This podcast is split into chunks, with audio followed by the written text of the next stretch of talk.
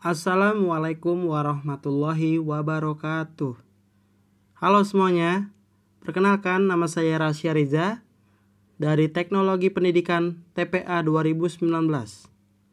Oke, baiklah di sini saya akan memaparkan beberapa materi tentang teknologi pembelajaran. Rumusan tentang pengertian teknologi pembelajaran telah mengalami beberapa perubahan. Sejalan dengan sejarah dan perkembangannya, teknologi pembelajaran itu dimukakan beberapa definisi tentang teknologi pembelajaran yang memiliki pengaruh terhadap perkembangan teknologi pembelajaran. Definisi tentang teknologi pembelajaran dari ICT tahun 1994. Teknologi pembelajaran adalah teori dan praktek dalam desain, perkembangan, pemanfaatan, pengelolaan, serta evaluasi tentang proses dan sumber untuk belajar. Definisi ini juga berupaya semakin memperkokoh teknologi pembelajaran itu sendiri dalam suatu bidang dan profesi, yang tentunya perlu didukung oleh landasan teori dan praktek yang kokoh.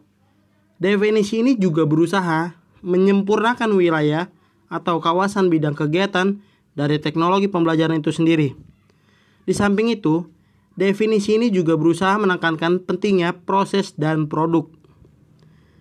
Teknologi pembelajaran merupakan gabungan dari tiga aliran yang saling berkepentingan, yaitu aliran pertama ada media dalam pendidikan, yang kedua ada psikologi pembelajaran, yang ketiga adalah pendekatan sistem dalam pendidikan. Edgar Dell dan James Spin merupakan dua tokoh yang berjasa dalam perkembangan teknologi pembelajaran modern.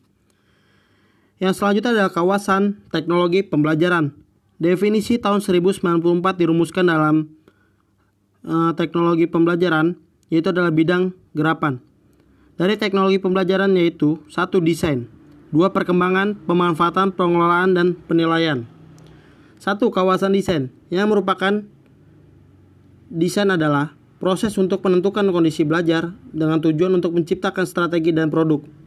Kawasan desain bermula dari gerakan psikologi pembelajaran, terutama dialami oleh pemikiran B.F. Skinner tahun 1954. Dua kawasan pengembangan. Pengembangan adalah proses penerjemah spesifikasi desain ke dalam bentuk fisik. Di dalamnya meliputi satu, teknologi cetak, dua, teknologi audiovisual, tiga, teknologi berbasis komputer, dan empat, teknologi terpadu.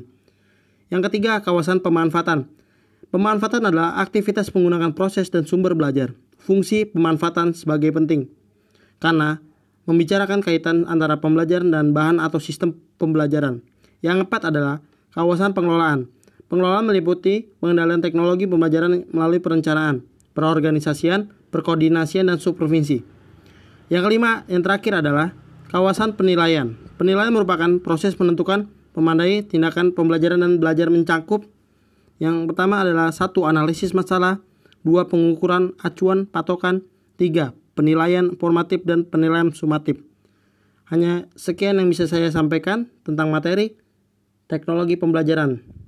Kurang lebihnya saya mohon maaf. Terima kasih. Wassalamualaikum warahmatullahi wabarakatuh.